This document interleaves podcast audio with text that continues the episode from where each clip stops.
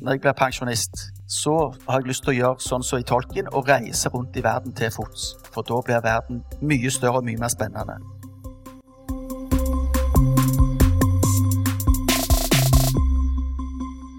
I mai var Høyre-politiker Jon Peter Hernes gjest på Sølvberget for å fortelle om sitt liv som leser. Hør om hans vei fra Hardeguttene via Jack London til Jared Diamonds bøker om sivilisasjoner som har forfalt. Og ikke minst få med deg eh, historien om hva som skjedde da Jon Peter Hernes reiste på loffen i USA som 17-åring. Uh, men jeg er jo utrolig glad i bøker, så når jeg fikk spørsmål om å være her, så svarte jeg umiddelbart ja, før jeg egentlig helt visste hva jeg uh, svarte ja til. Eh, så da har jeg liksom benytta anledningen til å tenke tilbake. Jeg har delt inn en del bøker som jeg har plukket ut. For det å liksom finne de, de, bøkene som jeg har lest som virkelig gjort inntrykk, det er utrolig vanskelig. For jeg har da vært bibliofil siden jeg, jeg lærte å lese. Eh, og så har jeg tenkt mye på Jeg har jo fire barn sjøl. Eh, og noe jeg har liksom prøvd å få de til å være med på, er jo at de òg skal lese. Og da har jeg gjort det som mine foreldre gjorde for meg. Det var å lese høyt for dem når de var små. Det husker jeg at det var jo, det var jo før internettet kom. Eller som ungene mine sier, de lurer på om jeg vokste opp den gang internett var i svart-hvitt. Eh, men det, var at TV-en var så vidt i svart-hvitt, men internettet fantes ikke. Eh, men de leste høyt for meg, og foreldrene mine hadde bøker hjemme. Ikke sånn enormt mye, men jeg hadde eh, besteforeldre. Eh, jeg, hadde, eh, jeg er sånn forsvarsunge, så jeg har liksom flytta rundt i landet. Jeg ble født i Stavanger, og så flytta vi til Nord-Norge. Og så reiste vi innom eh, besteforeldrene mine på fars side. De bodde i Trondheim. Og min farmor hun var, hun var bibliofil, så de hadde et sånn eh, fantastisk rom med høyt under taket. Og farfar røykte pipe, og han var sportsmann, så han røykte pipe. Eh, og farmor hadde da utrolig med bøker. Eh, og det var òg barnebøkene som, som, faren min og brødrene hans hadde vokst opp med. De ble utforska når jeg var på besøk hos de. Og så hadde jeg en bestefar på mors side som, eh, som, var veldig sånn teknisk interessert. Eh, og siden foreldrene mine flytta rundt eh, hele veien, så betydde det jo at mange ting var i kasser. Så meg og kameratene mine vi var i kjelleren og så utforska vi disse kassene og så hva som var inni. Og jeg husker jeg fant bestefaren sånn, sånne magasiner i svart-hvitt med sånn teknik, teknikkens vidunder eller noe sånt. Sånn ordentlig Eh, teknologioptimisme fra liksom langt tilbake til jeg tror var før eh, andre verdenskrig. Men de leste vi med stor interesse, fordi når vi hadde funnet dem, så var det liksom en sånn skatt. Eh, så interessen for det med papir det, det har vært der veldig sterkt veldig lenge. Så jeg pleier alltid å si at jeg er en sånn skikkelig nerd. Det er veldig bra å være nerd. Det er sånn ungene bruker som uttrykk i dag hvis du studerer på ting. Så jeg satte opp en del bøker som som jeg tenker de har liksom vært viktige for meg. Selvfølgelig begynner jeg da med et kvalitetsprodukt, nemlig Hardeguttene. Eh, for når vi lærte å lese eh, og Jeg var ikke sånn spesielt tidlig med å lære å lese, tror jeg. tror jeg lærte når jeg kom på skolen, på ei øy ytterst i Vesterålen. Der lærte vi å lese, og da var Hardeguttene noe av det mest pop. Eh, og da fikk vi, jeg, fikk, jeg fikk alltid bøker til jul, så jeg fikk Hardeguttene til jul og GGG, Gyldendals gode guttebøker. Um, og jeg var sånn altetende, for det, det, er sånn diskusjon. Jeg fortalte at Gyldendal måtte slutte med Gyldendals gode guttebøker og Gyldendals gode pikebøker, for det var sånn kjønnsdiskriminerende. Det førte da til at gutter leste mindre, så det var jo en kjempesuksess. Eh, så det bidro til likestilling sånn. Eh, og det kan jeg si med mine barn. Jeg har da to gutter, og de leser basically etter hvert ikke bøker. Selv uansett hvor hardt jeg har prøvd, så er det veldig vanskelig til å gi dem en bok og få dem til å lese. Mens de to jentene mine, som da er en del yngre, de er, eh, ligner mer på meg med at de er blitt, blitt lesehester. Den neste telefonen som ringer, de må da spandere fri runde i baren på alle etterpå. Men minnene med Jeg leste dog Nancy Drew, så jeg, jeg, leste alt. Alt jeg kom over, leste jeg. Men, men Hardeguttene husker spesielt, fordi det vi gjorde, var jo at vi byttelånte. Og det, det var noen, noen, hadde sånne eldre brødre som vi med ærefrykt kunne fortelle at de hadde alle bøkene komplett i Hardegutt-serien. Eh, og dit kom jeg aldri, men jeg tror jeg omtrent leste alle eh, i, i, serien. Og de guttene der de var jo nysgjerrige og modige og lojale. og alle de gode egenskapene vi ønsker å ha. I tillegg så hadde de biler og båter og alle sånne kule ting som vi drømte om. Eh, men noe av det som, jeg, som Hardy-guttene ga, var jo at når du leste disse bøkene, så leste du jo Når du leser mye, så leser du fort. Og I dag når jeg er folkevalgt, så har jeg stor glede av at jeg leser veldig fort. Så jeg fant ut når jeg var hjemme jeg, jeg hadde sånn Hver kveld når jeg la meg, så leste jeg en bok. Eller jeg holdt, leste i en bok. Jeg, jeg, tok tida da, så jeg har det guttbok når jeg var blitt litt eldre. De brukte jeg én time på. Da hadde jeg lest de. Uh, så hvis det var en god kveld, så kunne jeg lese flere. Uh, så jeg satte opp Bibelen, illustrert barnebibel. Uh, for når jeg vokste opp på denne øya, da var det ikke så mye TV, men da ble jeg sendt i søndagsskole. Så jeg vet ikke om dere husker dere disse multimedieverktøyene, flanellografen. Eh, der var det flanellograf, og så var det hyrdene på marken og, og alle disse bibelhistoriene. Og de gjorde sterkt inntrykk. Eh, og mange av disse bildene i Bibelen var liksom med og ga assosiasjoner til, til liksom ting som jeg vokste opp med som jeg syntes var veldig positivt. Eh, så jeg var da ganske dypt religiøs òg. Ble prega av dette her. Sånn, jeg skal ikke si jeg var dypt religiøs, men jeg trodde fullt og fast på dette her. Eh, så jeg tatt med så jeg tatt med Grimberg. Jeg så den var Grimbergs illustrert var menneskenes liv og historie. Den hadde foreldrene mine komplett. Og når du liksom leser mye, så var det jo naturlig å begynne på de, og der var det masse bilder. Så jeg tror stort sett jeg har lest Grimbergs historie liksom fra første bok og, og, helt ut. Husker jo ikke alt. Eh, men det er jo utrolig av og til hvis du spiller Trivial Pursuit eller sånne spill, så kommer liksom bang oppi hodet en plass. Så er det helt vanvittig hva som har festa seg. Eh, men noe av det jeg syns var fascinerende, det var eh, bl.a. historien om romertiden. Hvordan var det disse romerne klarte å erobre halve verden, iallfall hele Europa og deler av Afrika? Og Noe av det som slo meg når du leste disse bøkene, det var hvor avanserte de var. For man litt sånn, Nå er vi avanserte, og så tenker vi tilbake 2000 år, når de romerne holdt på. Så var de jo like intelligente som oss. Altså, de, de, jo, de hadde ikke den teknologien, men de hadde egentlig utrolig mye teknologi. Og Noe som òg fascinerte meg, var at grunnen til at de klarte å erobre verden, var ikke at de var flest, men de hadde teknologi, og så hadde de disiplin, og så hadde de trening. Og Det gjorde jo ofte at de dro ut og sloss mot overlegne styrker. Altså Det var mange flere mot de, men de hadde da en selvtillit og en måte å organisere seg på som gjorde at de kunne slå langt flere folk. Og Når de drev og kriga, så var det ikke sånn at du fløy liksom et bombefly og så slapp du noe ned på et kart. Det var jo virkelig sånn Eh, kamp mann mot mann. Så veldig skikkelig røverhistorier i verdenshistorien. Eh, så det syns jeg var spennende. Så jeg tatt med Daniken. og Det var litt når jeg fortalte at jeg var religiøs. Så kom jo Daniken, og det var jo Jeg vet ikke nøyaktig når Daniken ga ut sine bøker, men jeg tenker at det var litt sånn i parallell med romfartskappløpet i 1969, da de første mennesker landa på månen. Og Daniken leste jo alt inn i at omtrent alt som hadde skjedd, altså pyramidene og ting fra Bibelen osv., det var jo romvesen som hadde, hadde, kommet her. Så det gjorde jo at vi leste jo romvesen inn i forklaringa på det aller meste. Og hvis vi leser eventyr, som jeg òg leste fra hele verden, så er det ofte sånne historier fra indianerne med hiawatha som kom med en hvite kano ned fra himmelen. Og det gjorde jo umiddelbart at uh, og jeg da så for meg at dette var egentlig romvesen som kom. Uh, veldig spennende. Men det var jo da en som dyrka tvilen og helt andre forklaringer på ting enn det vi hadde liksom fått med gjennom barnetroen, så det syns jeg var, var, fascinerende. Ok, Her nede står den moderne utgaven av Hvem var hvor? Eh, jeg hadde en onkel. Han var utrolig lite spennende. Fordi hvert år så trengte jeg aldri tenke på hva jeg fikk av han, for da fikk jeg Hvem var hvor fra det året som nettopp hadde gått. Så det har jeg òg hjemme ganske komplett. Og så husker jeg litt når de kom i større format.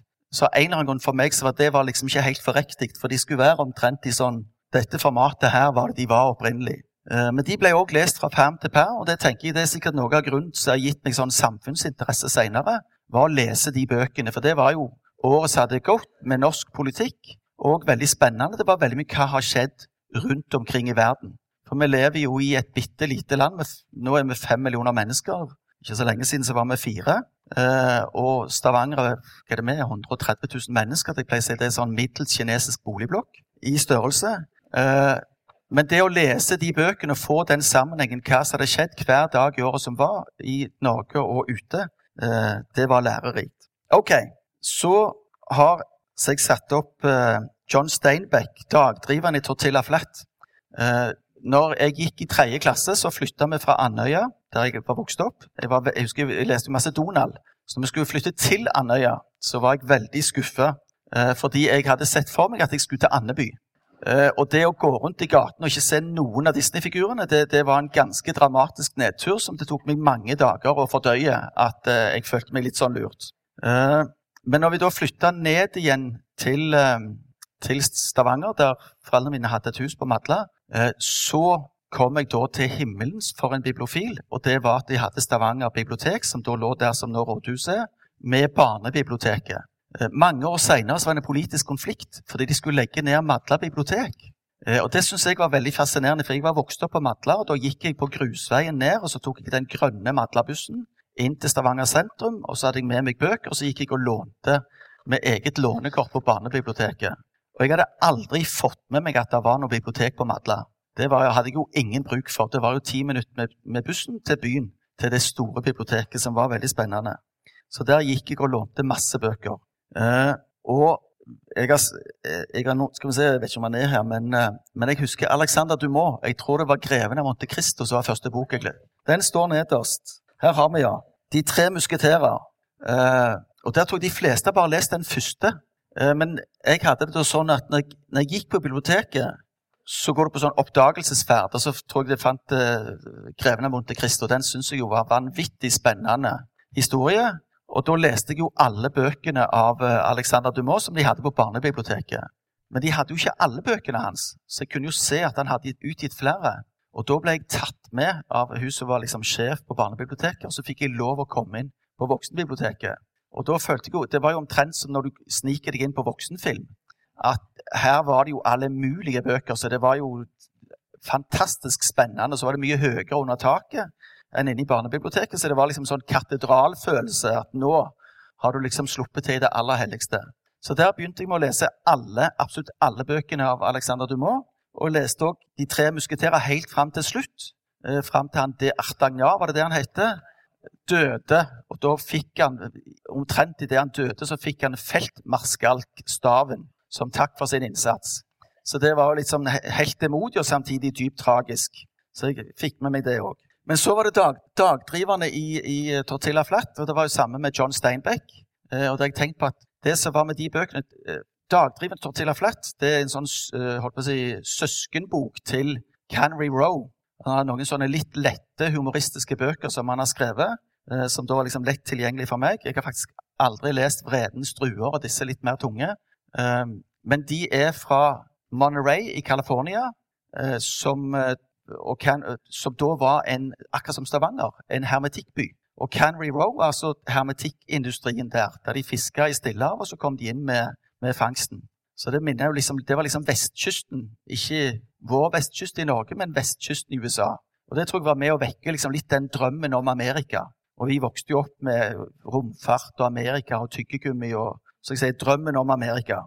Så den hadde jeg med meg. Så det kommer jeg litt tilbake til. Da har jeg vært innom det meste fra barndommen.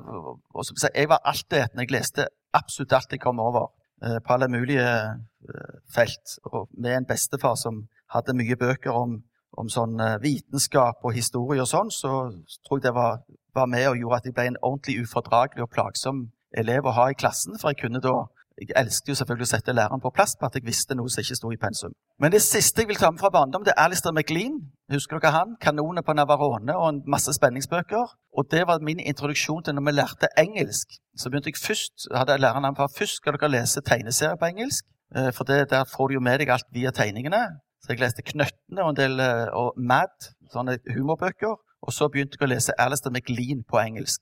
Så, det var, det var, så, så, da lærte vi av det, for de var jo så spennende at selv om du ikke fikk med deg alt, så måtte du liksom komme deg videre i boka. Så begynte du med ordbok ved siden av, så fant du etter hvert ut at eh, bare dropp ordboka. Selv om jeg ikke skjønner alle ordene, så skjønner jeg av sammenhengen hva som skjer. Så det har jeg siden gjort når jeg skulle gjenoppfriske skoletysken. Ikke om dere hadde sånn som meg, Jeg lærte tysk på skolen, og så går det noen år, og så glemmer du det ut. Og hvis du prøver å snakke tysk i, i Tyskland, så er iallfall min erfaring at eh, da begynner å svare folk på engelsk. For de skjønner at dette her kan jeg jo ikke. Eh, men jeg fant ut at jeg må, jeg må prøve å friske opp igjen dette språket. Så jeg fant da Gunnar Staalesen, krimromaner på tysk. De Frau im Kühlschrank. Det er da krim, krim tysk, eller Bergens krim fra Stavanger oversatt til tysk. OK. Um, over til ungdomstiden. Uh, da vil jeg første boka jeg vil nevne, det er en som siden er blitt filmatisert. Det er en av de sikkert filmene som har spilt inn mest penger. 'Ringenes herre'.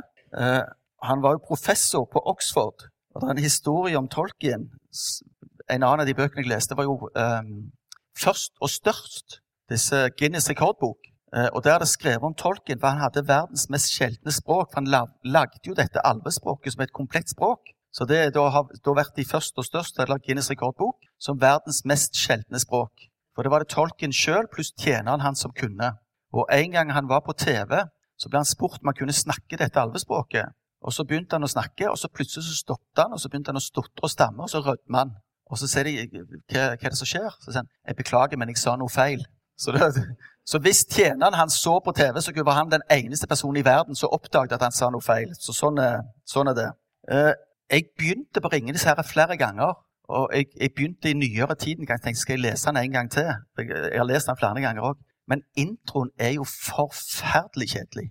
Den er jo, den er jo som en islandsk ettersaga. Der du prøver å holde rede på hvem som er i slekt med hvem, og så begynner du å tegne sånn kart, og til slutt må du bare hive det og lese på. Og Sånn var jo 'Ringenes herre' òg. Når jeg først var begynt og liksom kommet inn i det, så syns jeg det var helt en åpenbaring av hvor spennende den boka var. Og det som slo meg med, med boken, det som var spennende for meg, det var jo dette er jo en reiseskildring. Det er jo først og fremst en, en, det er en lang, lang reise, og alt du opplever på reisen, som, uh, som driver det. Så jeg, det jeg ble inspirert til, det var å gå i fjellet eller uh, reist rundt i verden på hest eller noe. Uh, og den opplevelsen av hvor stor verden blir når du beveger deg til fots. I dag er det jo sånn vi reiser over hele verden, men vi ser jo ingenting. For du setter deg inni en blikkboks med hjul, og så rister du i noen timer. Du kan til og med sove underveis, og så boff, så er du framme på en helt annen plass. Så du har jo ikke en opplevelse av spenning og alt som er på veis til dit du kommer. Men det er i rikt monn der. Så det, når jeg ble pensjonist en gang, og mitt mål er jo å toppe karrieren som politiker i en alder av 84 eh, Men etter det, når jeg blir pensjonist, så har jeg lyst til å gjøre sånn som i tolken, og reise rundt i verden til fots. For da blir verden mye større og mye mer spennende. En annen reiseskildring som, er, mm, som jeg syns var spennende, det er denne. Jeg skrev nettopp en kronikk i Stavanger Aftenblad om, om data i skolen og litt sånn. Eh, og denne heter, den heter da 'Send and the Art of Motorcycle Maintenance.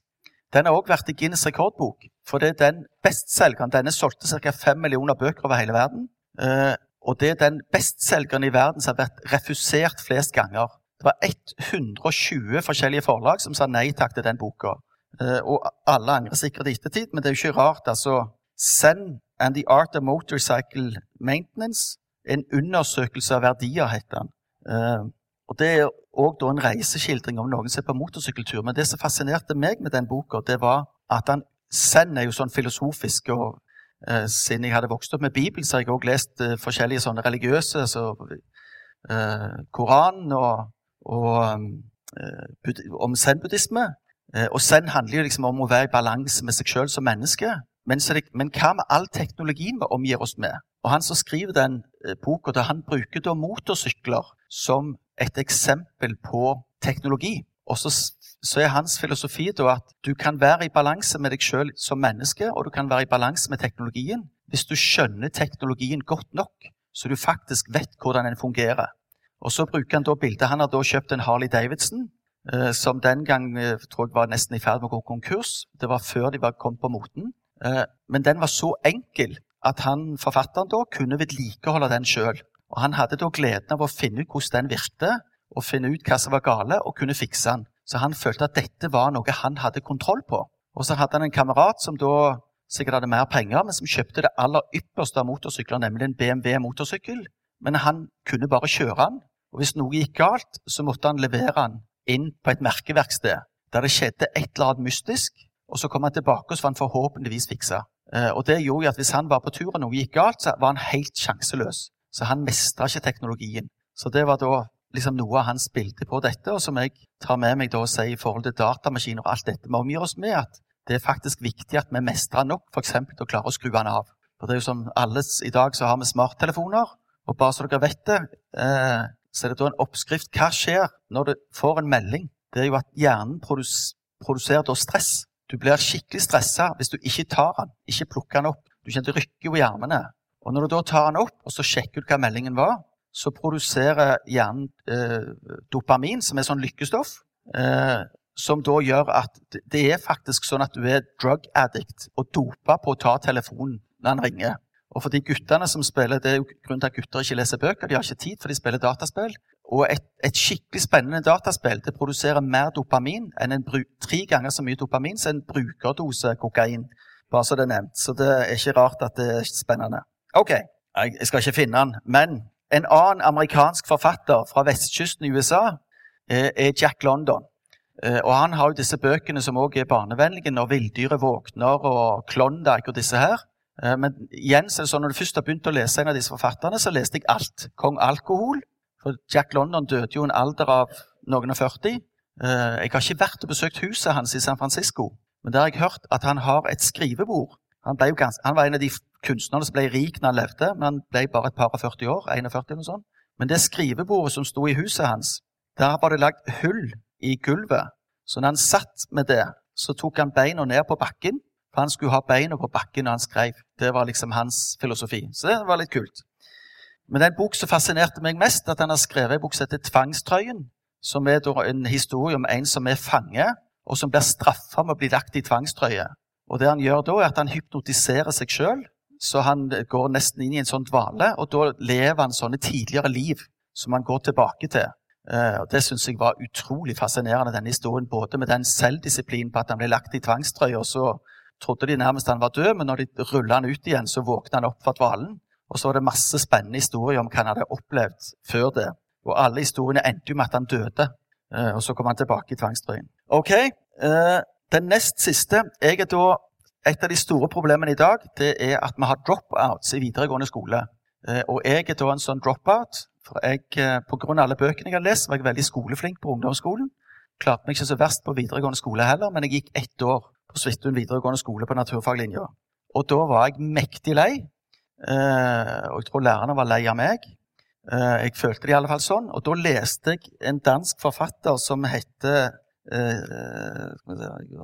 en plass. Ja, hans Skjerfig, det forsømte forår. Eh, og det var litt sånn som så Kielland med gift. At det var liksom en sånn eh, egentlig beskrivelse hvor fælt det var på skolen. Og jeg syns ikke det var fælt på skolen. Men det var da med og jo at jeg fant du vet hva, denne skolen den slutter jeg på.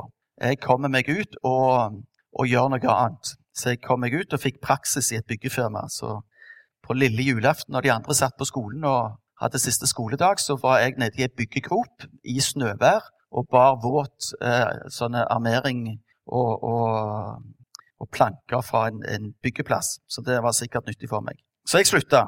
Eh, boka slutter ellers med at han her, er hovedpersonen i boka eller slutter ikke med det. Den slutter med at de er blitt voksne og han er på en fest med alle han gikk på skole med. Men han hovedpersonen han forgifta læreren med at han hulte ut et drops.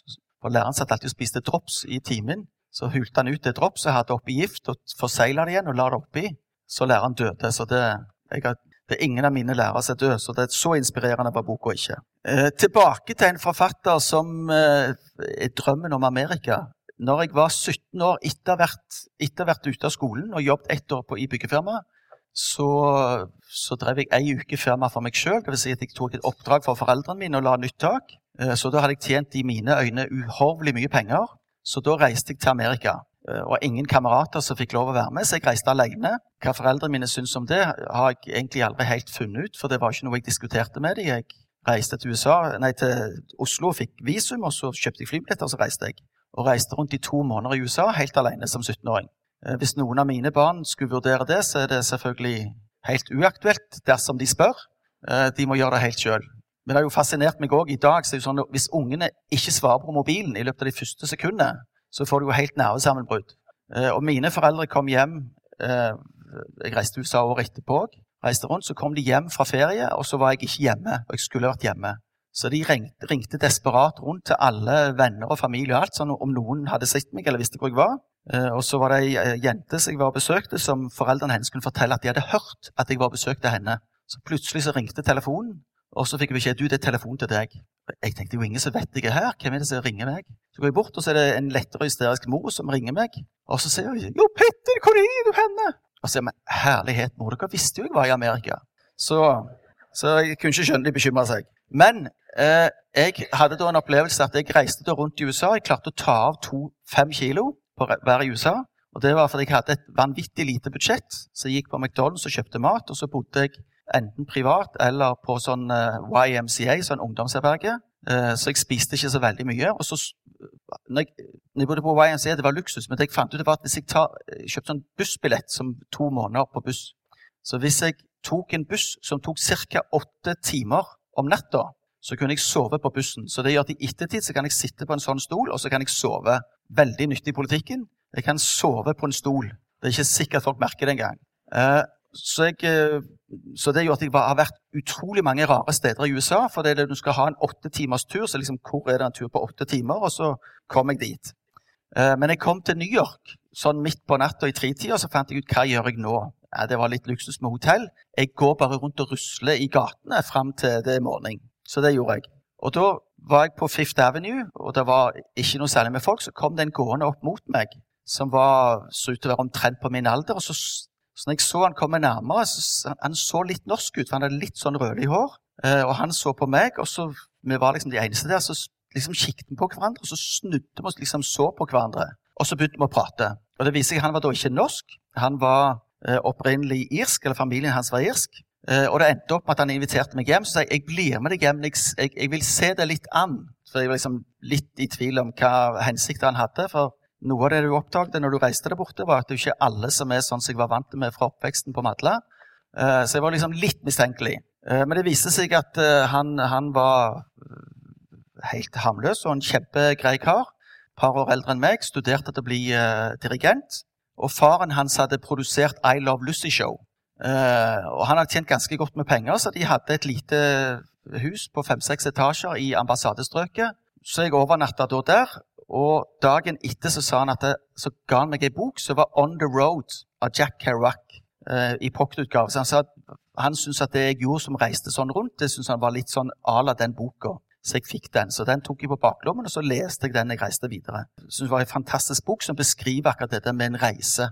Eh, og det er ikke uten grunn at amerikanerne lager masse sånn road movies. For det er liksom et land som er egen. Du opplever USA, jeg tror du opplever verden, når du reiser og beveger deg.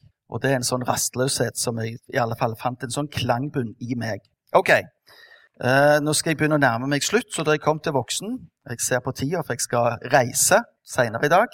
Dessverre ikke til fots, men med fly. Um, noen bøker jeg syns er fantastisk gode, som jeg har lest nylig. Uh, Sonja Tinnesand i SV hun anbefalte meg en bok som heter 'Kollaps', uh, av en forfatter som heter Yara Diamond. Han har da fått Pulitzerprisen. Han, han er, uh, han er utdannet sånn fugleforsker og historiker, et eller annet sånn artig blanding. Så fikk han Pulitzerprisen for en bok som heter 'Guns, Germs and Steel' som forteller hvorfor er det sånn at den europeiske kulturen har blitt dominerende i det moderne samfunnet. Uh, og Han fikk den ideen, for han var på Ny-Guinea og studerte fugler. og Da traff han noen sånne stammer inne i landet på Ny-Guinea som da har liksom vært nesten uforandra i mange tusen år. Og så sier han de levde da i nesten sånn steinaldersamfunn. Og så får de liksom moderne sivilisasjon som et sånn sjokk innpå seg. Og så sier han, og masse av disse folkene de er jo akkurat som romerne, eller hvem det var, akkurat like intelligente som oss. Og så er jeg i en samtale med en da fra Ny-Guinea som sier hva er det som gjør at dere kommer hit til oss, og vi har liksom levd i steinalderen og klart oss helt greit, men lever i en helt steinalder, og så er det dere som kommer, og så kaller de de hvite de kaller de for containerfolkene. Det er de som kommer med containere med alle mulige mirakler inni. Lighter og mixmaster og kamera osv. Så sånn, hva er det som gjør at dere kommer med konteinerne, mens vi driver og, og er i steinalderen? Og Det starta da tankegangen hans på hvorfor er det sånn. Så han begynner da 20 000 år tilbake i tid, og så går han systematisk igjennom hva er det som gjør det.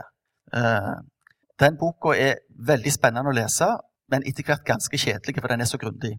Det er en bok som er mye lettere å lese, og den første jeg leste, som heter 'Kollaps', som da jeg tenker i dagens samfunn med 7 milliarder mennesker på, på jordkloden, er veldig aktuell. For den tar for seg 14 sivilisasjoner som enten har kollapsa eller har klart seg.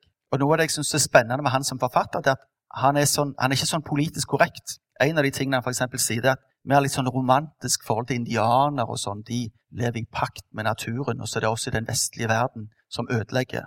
Så sier han indian, Flere av de samfunnene han beskriver som kollapsa, var indianersamfunn eller urfolk. Og så han, de ødelegger naturen så godt de kan. De har bare ikke teknologi nok til å få det til. Uh, mens, uh, og noe av, det, noe av det jeg syns er fascinerende for oss i dag, det er å se at det som går igjen i en del av de sivilisasjonene som kollapser En av de han beskriver, er f.eks. vikingene på Grønland. Men noe av det som går igjen hos de som kollapser, det er at det er utrolig kort tid i avstand mellom at sivilisasjonen er helt på topp, du er uovervinnelig, til det kollapser. En annen ting han beskriver, og da bruker han påskeøya som eksempel, det er at noe av grunnen til at det kollapser, er at alle innenfor et ganske stort område lever i fred. Noen av de stillehavsøyene som ikke har kollapset, er fordi de har drevet og kriga med hverandre, så de har liksom holdt befolkningen i sjakk, eller hatt andre metoder for å få det til. Men på Påskeøya så levde de i fred, og så tok de ut alle naturressursene, for den var dekka av, av, urskog. Og hva tenkte han som hogde ned det siste treet? Det er jo spennende. Hvis ikke jeg hogger det, så hogger noen andre det, eller det er kanskje en skog en annen plass. Eh, kan vi liksom kjenne igjen fra i dag. Men de levde i fred, og så var de avhengig av hverandre over et stort område som drev handel med hverandre. Og Det er jo spennende i en globalisert verden. Så sier vi vi kan ikke kollapse i dag fordi vi er så avanserte og alle samarbeider. Men det han beskriver, egentlig at det er helt omvendt. Det er at alle samarbeider gjør oss mer sårbare. Og vi har jo ikke opplevd noen kollaps f.eks. på matforsyning ennå. Men vi opplever det i finansmarkedet. Så kan vi se at hvis, hvis noen i Hellas ikke betaler skatten, eller amerikanere ikke vil holde, betale boliglånene sine, eller boligprisen i Tokyo kollapser, så får vi en verdensomspennende finanskrise. Selv om det egentlig ikke skulle berøre oss i det hele tatt. Så spennende. OK.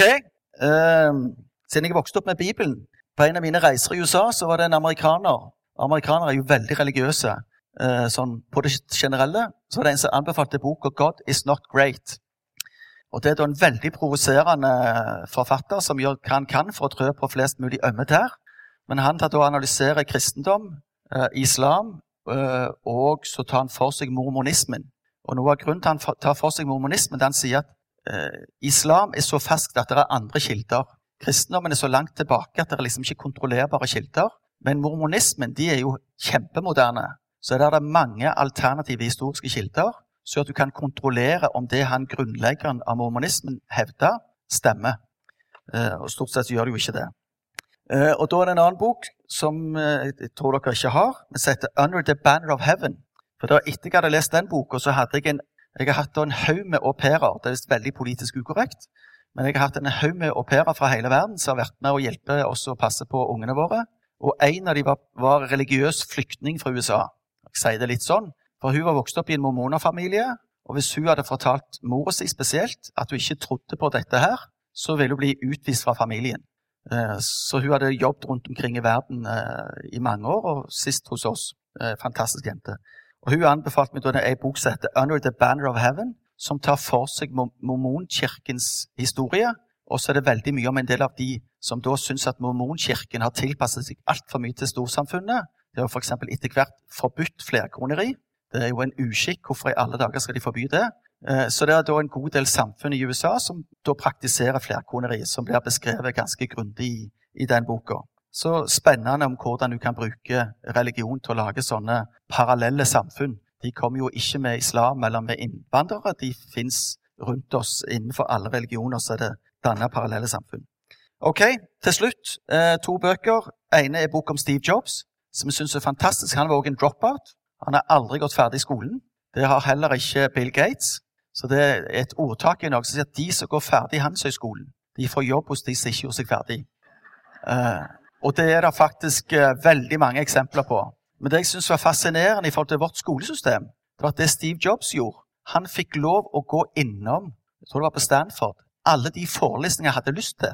Han betalte ikke engang. Så han, han tok sånn menysystem og plukket, og så seiv han rundt. Og det var noe av hans filosofi til å bygge opp da verdens mest verdifulle selskap var the crossroad between art and technology. Og han hadde også sånn Zen som liksom en sånn greie bak hans produkt. At det skulle være gjennomført i alle ledd, og det skulle være kvalitet. Og det har han tatt seg betalt for. Og det gjør jo at alle som er hippe og kule, kjøper da hans produkter, for de er bare helt kanonkule, selv om de ikke er billige. Ok, siden det nærmer seg slutt, da skal jeg bare slutte med ikke Cornwell, som er en engelsk forfatter som bor i USA, som skriver noen fantastiske bøker bl.a. fra vikingtida, eh, med nordmenn og dansker som var prøvde å erobre England. Det fikk de jo til til slutt, når de kom opp fra Normandie og erobra England i 1066. Men med Torgrim Titlestad, vår lokale historieprofessor, og en av de bøkene hans heter eh, 'Norge i vikingtid'. Og Det som fascinerte meg enormt med de, var han beskriver da tingssystemet. For det slår meg at Norge er et egalitært samfunn. Vi har stor grad av likestilling mellom kjønnene, og vi har, vi har, vi har lite sans for altfor store forskjeller. Eh, og det er da ikke noe som er oppfunnet med sosialdemokrati. Det har røtter i Norge tilbake til vikingtida før det. Eh, er noe av hans påstander. Og Når vi leser om vikingene, så er det jo disse hersens eh, munkene og sånn som skriver om disse barbarene som kom. Men det er hans side at både kirken og det som var kommet til Europa sammen med kirken, var jo enevelde. En konge som var gitt makt av Gud, som skulle styre alt. Som da står i kontrast til vikingene, som ikke ville ha enevelde. Tingssystemet sier Titlestad at det var flere som deltok i å ta beslutninger gjennom tingssystemet, enn kanskje de som i dag bruker stemmeretten i valg. Var utrolig mange som var involvert. Eh, og Det syns jeg er spennende. Det eldste levende parlament som finnes i dag, er jo Alltinget på Island.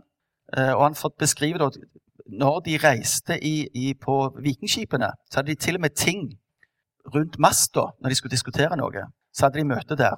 Og det de da gjorde, var at de, hvis de ikke ble enige, så valgte de en som fikk bestemme, for det var han som var best til å finne veien. Så han fikk ta beslutningen, for vi andre klarer ikke å bli enige. Så de valgte da sin konge. De hadde ikke en konge som var utpekt av Gud. Så de skikkelige demokratene, det er oss vikinger. Takk for meg.